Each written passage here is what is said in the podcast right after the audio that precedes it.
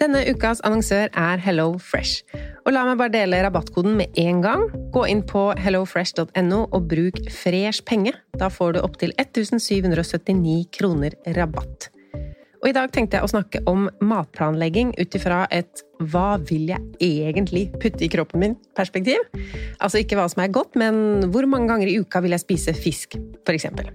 Og med Hello Fresh-appen så er dette så fint. Du velger bare ut fra en liste hvilke fem eller fire eller tre middager du vil spise uka etter. Og så kommer matkassa til deg på døra. Og du trenger ikke å tenke noe mer på hva du skal spise. Denne uka så blir det for meg to fiskeretter, to vegetarretter og en kyllingmiddag til guttene. Gå inn på hellofresh.no og se selv hva du kan velge mellom. Bruk koden FRESHPENGE for å få opptil 1779 kroner rabatt på de første seks matkassene dine, pluss gratis levering på den første kassa hvis du ikke har prøvd Hello Fresh tidligere. Rabatten kan du også bruke hvis du har vært kunde hos Hello Fresh, men det er mer enn tolv måneder siden. Har du et enkeltpersonforetak eller en liten bedrift? Da er du sikkert lei av å høre meg snakke om hvor enkelt det er med kvitteringer og bilag i fiken, så vi eh, gir oss her, vi. Fordi vi liker enkelt. Fiken superenkelt regnskap.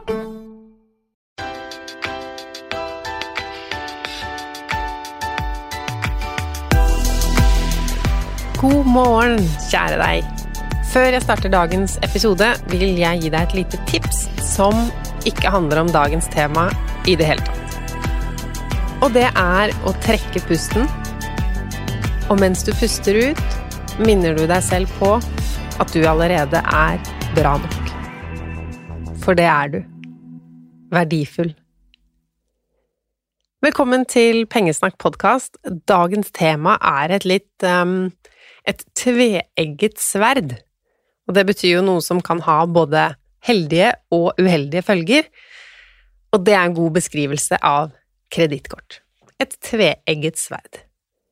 Så denne episoden er både til deg som har kredittkortgjeld og lurer litt på hvor du skal starte eller hva du skal gjøre nå, og også for deg som lurer på å ta i bruk kredittkort. Hvilket kort er best? Og mer. Så velkommen! Jeg heter Lise, og jeg er så glad for at du vil tilbringe denne stunden sammen med meg. Et kredittkort Altså for å forklare først forskjellen da, mellom et debetkort og et kredittkort. Det handler om at et debetkort, et bankkort, er kobla opp mot en bankkonto. Så med en gang det er tomt på konto, så er også kortet tomt. Mens et kredittkort, det er kobla opp mot banken direkte, så der er det jo i prinsippet evig med penger, men alle kredittkort har en grense. Så de pengene du bruker når du bruker et kredittkort, det er ikke dine penger, det er et lån. Men la meg starte med de positive sidene ved kredittkortbruk. Og det er det er faktisk mange fordeler med kredittkort, og en av de er dette med cashbacks og sånne rabatter. Og cashbacks betyr at når du bruker kortet, så får du penger tilbake. Og den er jo et litt tveegget sverd i seg selv, fordi man får kanskje lyst til å bruke mer når man får noe tilbake for det. Det blir lettere å kjøpe ting man ikke trenger når det er sånne rabatter og supertilbud og disse tingene. Men cashbacks er jo absolutt en fordel med kredittkort å få penger for å bruke penger.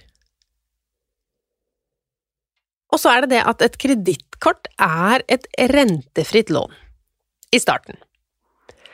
De fleste kredittkort er sånn at det vil, alltid være mellom 15 og 45 dager som det ikke løper renter på beløpet du har lånt. Og grunnen til at det er så stort spenn fra 15 til 45 dager, det er jo fordi at hvis du betaler kredittkortregninga di den første hver måned, så er det for det du har brukt kortet på fra den 15. til 15. månedene før. Altså fra sier, 15. mai til 15. juni. Det må du betale 1. juli. Så de første kjøpene du gjorde, da har det faktisk gått 45 dager, mens det siste liksom, transaksjonen på den samme regninga, det er kanskje bare 15 dager gammelt. Og dette med rentefritt lån, det har jo kanskje mer å si tidligere, da det var høyere rente på konto, at du fikk beholde dine egne penger lenger enn å bruke de med en gang. Eh, eller hvis du trenger å låne penger i en kort periode, så er det rentefritt. Og disse kortene, som sagt, så har de en øvre grense, men den kan dyttes på mange ganger. Jeg vet ikke hva maksbeløpet på et sånt kort er, men du kan i hvert fall låne 100 000. Kredittkort er sikrere enn debetkort.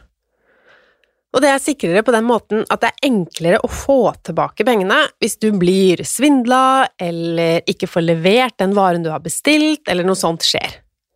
Og det er fordi det er ikke du som har betalt for varen, eh, det er jo det firmaet, altså banken, eh, så det er de som er ansvarlig. Så du kontakter kredittkortfirmaet eller banken om det er noe reklamasjon og sånn, ikke de du har eh, kjøpt det av direkte så det er mye enklere å få beløp refundert. En forskjell til er forsikringer. I mange kredittkort ligger det forsikringer inne når du betaler med kortet. Det pleier å være at da du må ha betalt minst 50% av en reise med det kredittkortet, så har du en reiseforsikring. Men det lønner seg jo så klart å sjekke opp eh, betingelsene for at forsikringen skal gjelde, og hva den gjelder for. Og så syns jo jeg med kredittkort at det er eh, praktisk å bruke kredittkortet. Vi er jo gift, og vi har ikke noe felles konto. Vi har felles kredittkort, som vi da kan betale det samme av til felles utgifter og mat. Når det kommer til hva som er negativt med kredittkort, så handler det om skyhøy rente.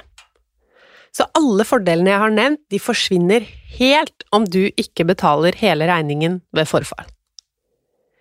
Og tidligere var det enda mer sånn sneaky, fordi når du fikk en regning fra kredittkortselskapet, så står det jo da hvor mye du har eh, brukt, og hvor mye som du har kanskje vært fra tidligere måneder, men de foreslo at du betalte bare bitte litt. Og det var jo lurt for dem, fordi da var det jo større sannsynlighet for at du betalte bare minstebeløpet og lot det bygge seg opp et beløp som du betalte renter på. Nå er ikke det lov lenger, så nå er det sånn at hele beløpet ligger til forfall i nettbanken når kredittkortregningen har kommet. Men du kan fortsatt bestemme om du skal betale hele, eller bare litt, eller det du har råd til og lyst til. Hva betyr egentlig når det står at kredittkortet har 25% rente?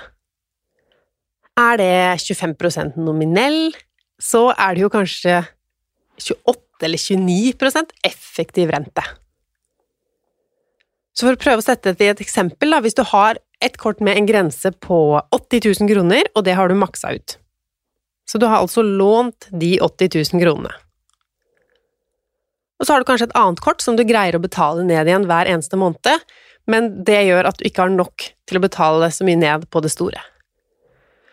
Og blir det stående i årevis Jeg tasta inn i en sånn kalkulator jeg fant på nettet. Hvis det blir stående i seks år, så har du betalt det dobbelte.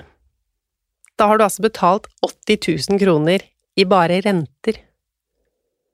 Og det er jo som om du gikk inn i en butikk, og så sto det sånne skilt som vi liker, eh, minus 30% eller halv pris, minus 50% Her står det pluss 100% Du ville jo aldri gått på det tilbudet der. Betalt dobbelt så mye som varen koster. Og om du, skal, altså om du ikke skal låne det i årevis tekst, så hvis du skal låne det i ett år, betal 25% mer. Kom og kjøp, betal 28% mer. Da jeg fylte 18 år, så fikk jeg et kredittkort i posten. Det tror jeg ikke bankene har lov til å bare sende ut lenger, men heldigvis så visste jeg at det ikke var mine penger, men det var et dyrt lån jeg kunne ta, eller et kort å bruke på reise hvis jeg hadde pengene jeg brukte. Men mange 18-åringer visste jo ikke det, og syntes det var helt fett å få et kort med så mye penger på. Og det er veldig skummelt. Så det beste kredittkorttipset jeg har til deg, det er å aldri bruke kredittkort dersom du ikke har pengene på konto. Og nå er det akkurat som jeg hører stemmene deres. Men hva hvis Jo, når øh, Jo, men det er jo poenget med kreditt... Aldri bruk kredittkort dersom du ikke har pengene på konto. Og så tenker man gjerne hvis, hvis man har råd når regningen forfaller, så går det jo bra. For det viktigste er jo at det ikke påløper renter. Nei, egentlig ikke.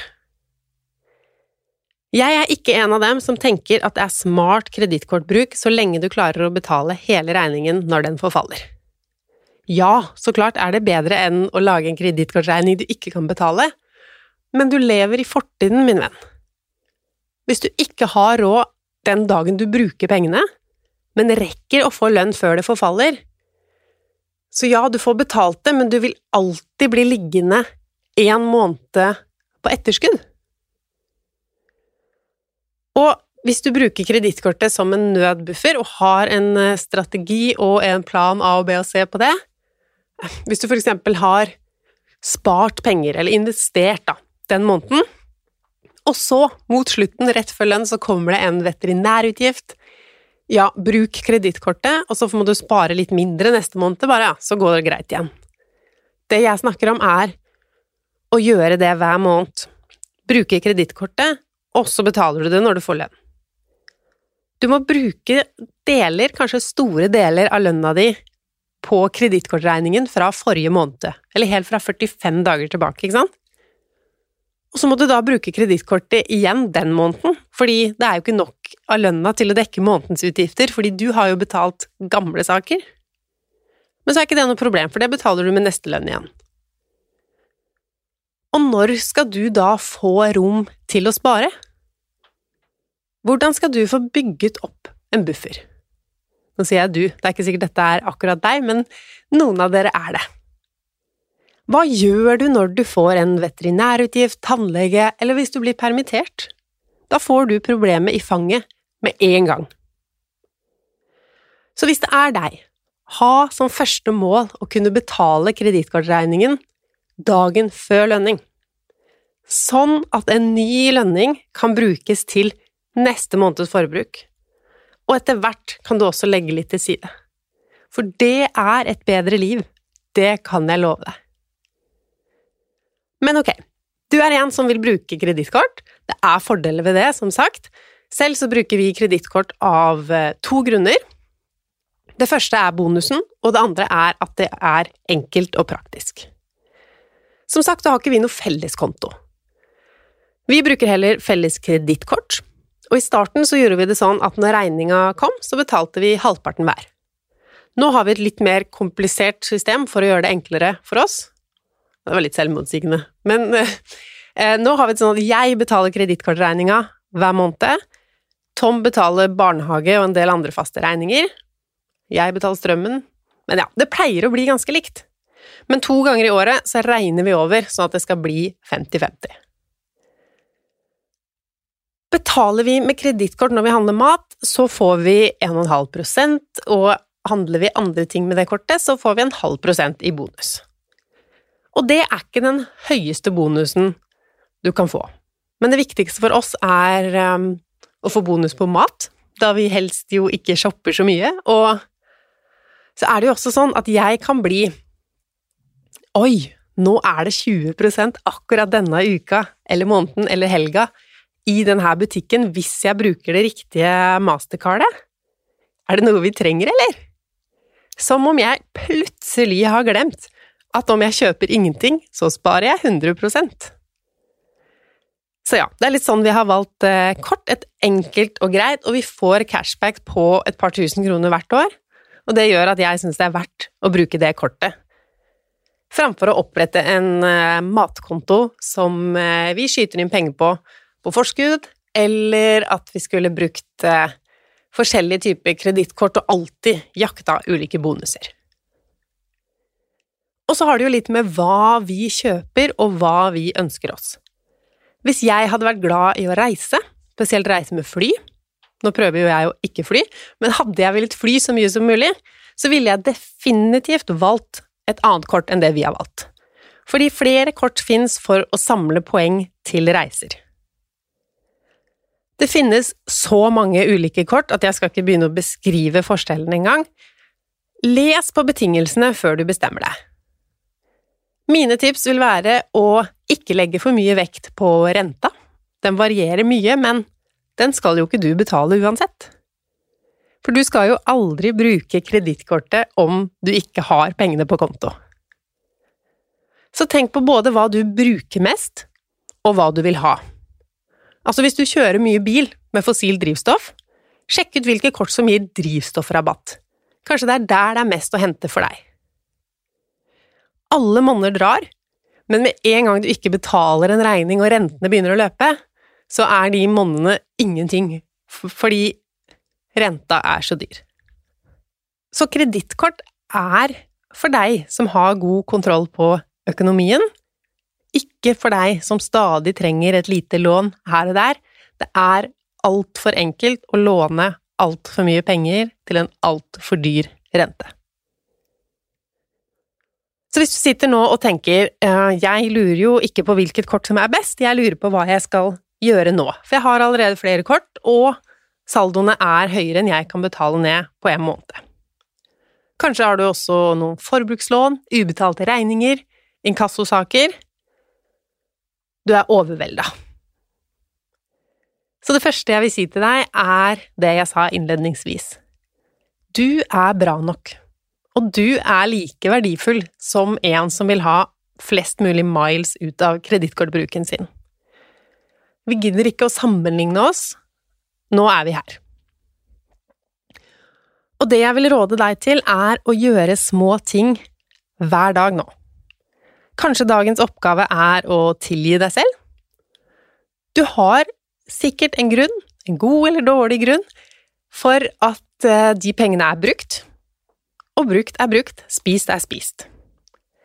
Så står du opp frisk og rask i morgen med ett mål for øyet – få oversikt. Hvilke summer er det snakk om? Hvor er disse summene? Hva haster mest? Og mange vil tenke samle alt i et forbrukslån. Og jeg skal ikke si at jeg er 100% uenig i det. Det jeg vil du skal tenke på da, er at det er ikke en løsning på problemet. Du har ikke løst det at du skylder penger til en dyr rente ved å mikse og trikse sånn at du skylder pengene, men til en litt lavere rente. Du har kanskje spart noen rentekroner, men ikke hvis du lar dette nye lånet løpe og gå siden du nå har fiksa det og kan gå videre i livet. Hvis du skal samle kredittkort og annen gjeld i et lån, så tenker jeg at det lånet skal behandles med samme følelse av at det haster. Og det sier jo jeg fordi jeg ønsker deg en god økonomi, ikke fordi jeg vil stresse deg. Første steg er jo å komme i null, og så starter vi å bygge på den positive siden. Uansett om du skal samle smålån, eh, kredittkort, i et forbrukslån eller ikke, har du noen penger? Er det noe vi kan kvitte oss med med en gang her? Det kan gi mestringsfølelse, og det lønner seg å bli kvitt litt. En regning, et lite krav. Mindre stress, ferdig med noe, og mer oversiktlig. Du har kanskje hørt om eh, snøballmetoden? som ikke går på hva som matematisk lønner seg hvis du har flere krav, flere kort, flere lån. Det handler mer om hva vi kan få til med tanke på å holde motivasjonen oppe. Og det er jo Dave Ramsey sin foretrukne metode, en amerikansk pengeguru som eh, det virker som færre og færre er enig med mye av det han sier og mener, men ingen kan ta fra han at han har hjulpet utallige mennesker ut av gjeld, og er fremdeles kjempepopulær med sitt daglige to timers radioshow. Han hater gjeld så mye at da selskapet hans eh, skulle bygge nytt hovedkontor Han har vel 1000 ansatte, og så skulle bygge konferansesenter og kontor. Han betalte cash. Tok ikke opp lån. Så han lever virkelig som han lærer, og har som sagt hjulpet hundretusenvis, sikkert, personer ut av gjeld og da handler det om å betale de minste kravene først. Få unna små regninger, inkassosaker. Her er jeg enig. Og fortsett hele tiden med det minste kredittkortet, det minste forbrukslånet, betal kun minimum hver måned på de større. Og det vil føles veldig bra, da, å bli kvitt noen krav, og etter hvert som flere månedlige betalinger er helt ferdig, du er kvitt lånet, så vil du ha større summer å rette mot de store kravene. Og det gjør jo at du da får tatt biter av litt størrelse av de. Så det er den metoden. Har du ikke penger, så har du kanskje noe å selge? Det har de fleste, og har du energi til det, så er det en jobb jeg anbefaler deg å ta. Rydde og selge, dette blir en fin prosess på flere plan. For jeg vil ikke at du skal sitte med dette samme, de samme følelsene, om fem år. At det er mer som må betales enn det du har penger til. At så mye av pengene dine går til renter, det er bortkasta. Du er verdt mer enn det. Og når det gjelder forbrukslån, så er det i mine øyne noe veldig negativt. Men sammenlignet med å ha kredittkortgjeld, så er forbrukslån i det minste bedre. Og det er fordi rentene er lavere, og det kan være enklere å forholde seg til ett lån enn mange små krav og man blir overvelda. Men som jeg sa også, dette er ikke et lån du skal ha og ha og la det gå og løpe, det er en midlertidig greie. Og det som er viktig når du skal velge forbrukslån, det er totalkostnaden. Altså hvor mye koster dette lånet deg i løpet av den tiden du skal ha det? Så det er ikke bare akkurat tallet på renta. Altså, si det er to tilbydere, da, og den ene sier ja, her kan du få 14% rente, og i løpet av tre år så kan du ha betalt ned alt. Og så er det en annen bank eller tilbyder som gir deg 12 eh, rente, altså lavere, men de syns godt at du kan bruke seks år på tilbakebetalingen. Hvilket lån er det som lønner seg da?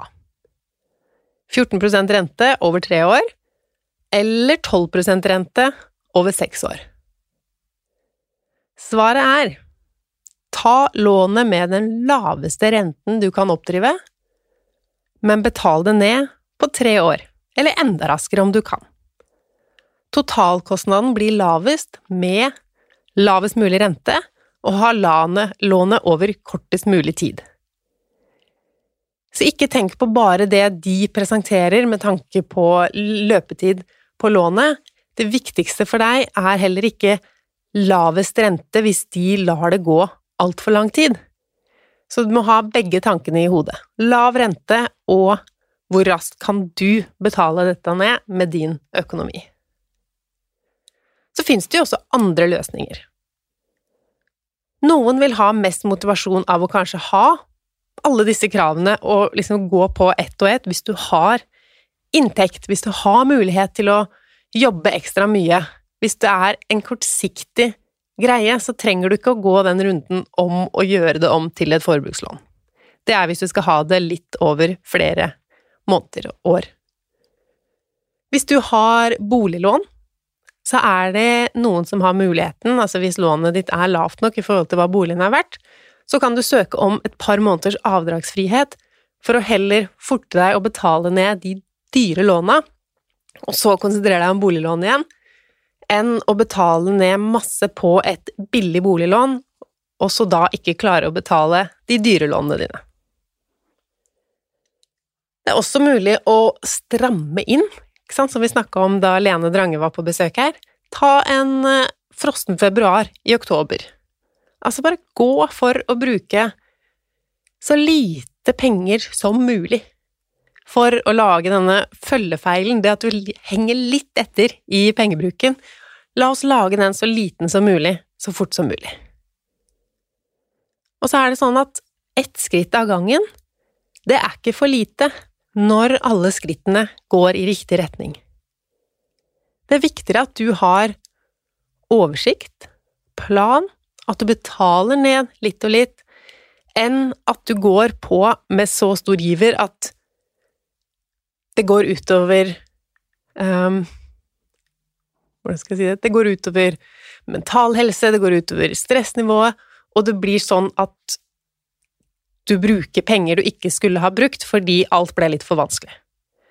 Ta heller små skritt i riktig retning, da kan du holde på motivasjonen lenger, og du får liksom riktig eh, Det går riktig veien, enn at du skal eh, betale ned mer enn du klarer. Kanskje må du ha, da ta opp et nytt lån igjen fordi det ble for mye, og du hadde ikke råd til å dekke de utgiftene du også har, fordi livet slutter ikke å skje selv om du er i en fase med å betale ned kredittkort. Et typisk sånn spørsmål jeg får, er skal jeg spare til buffer først, eller skal jeg kun fokusere på å betale ned kredittkortene? Og det gjelder uansett om du får samla alt i et forbrukslån. Jeg anbefaler å starte med nedbetaling av kredittkortgjelda med en gang, og det handler om at det er så dyrt. Så betal det ned så raskt som mulig. Legg en plan for raskere nedbetaling enn hva kredittkortselskapene foreslår, hvis det lar seg gjøre for deg i din økonomi og ditt liv. Og når den kredittkortgjelden er nedbetalt, så kan du sette av det samme som du betalte hver måned på kredittkortet, til å bygge din bufferkonto. Og når den er full, så kan du bare gå på med neste drøm, og dette kan bli en så bra start på resten av din, ditt økonomiske liv. Når det gjelder å ikke spare til en buffer først, så vet jeg at mange er uenige med meg.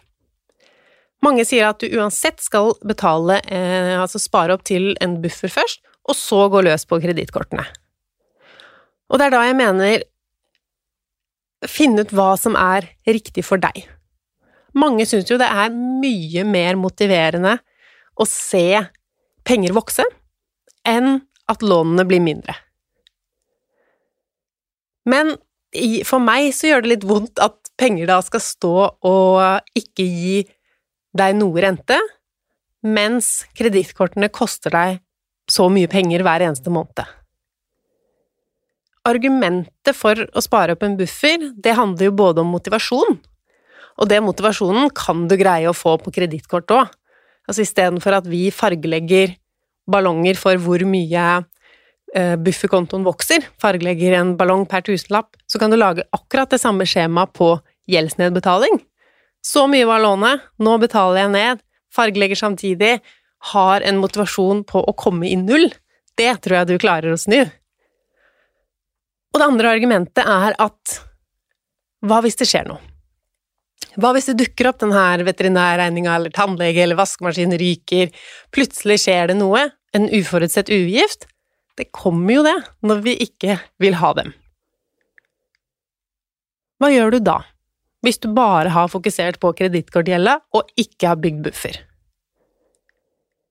Det verste som kan skje, er jo at du må bruke kredittkortet igjen, da.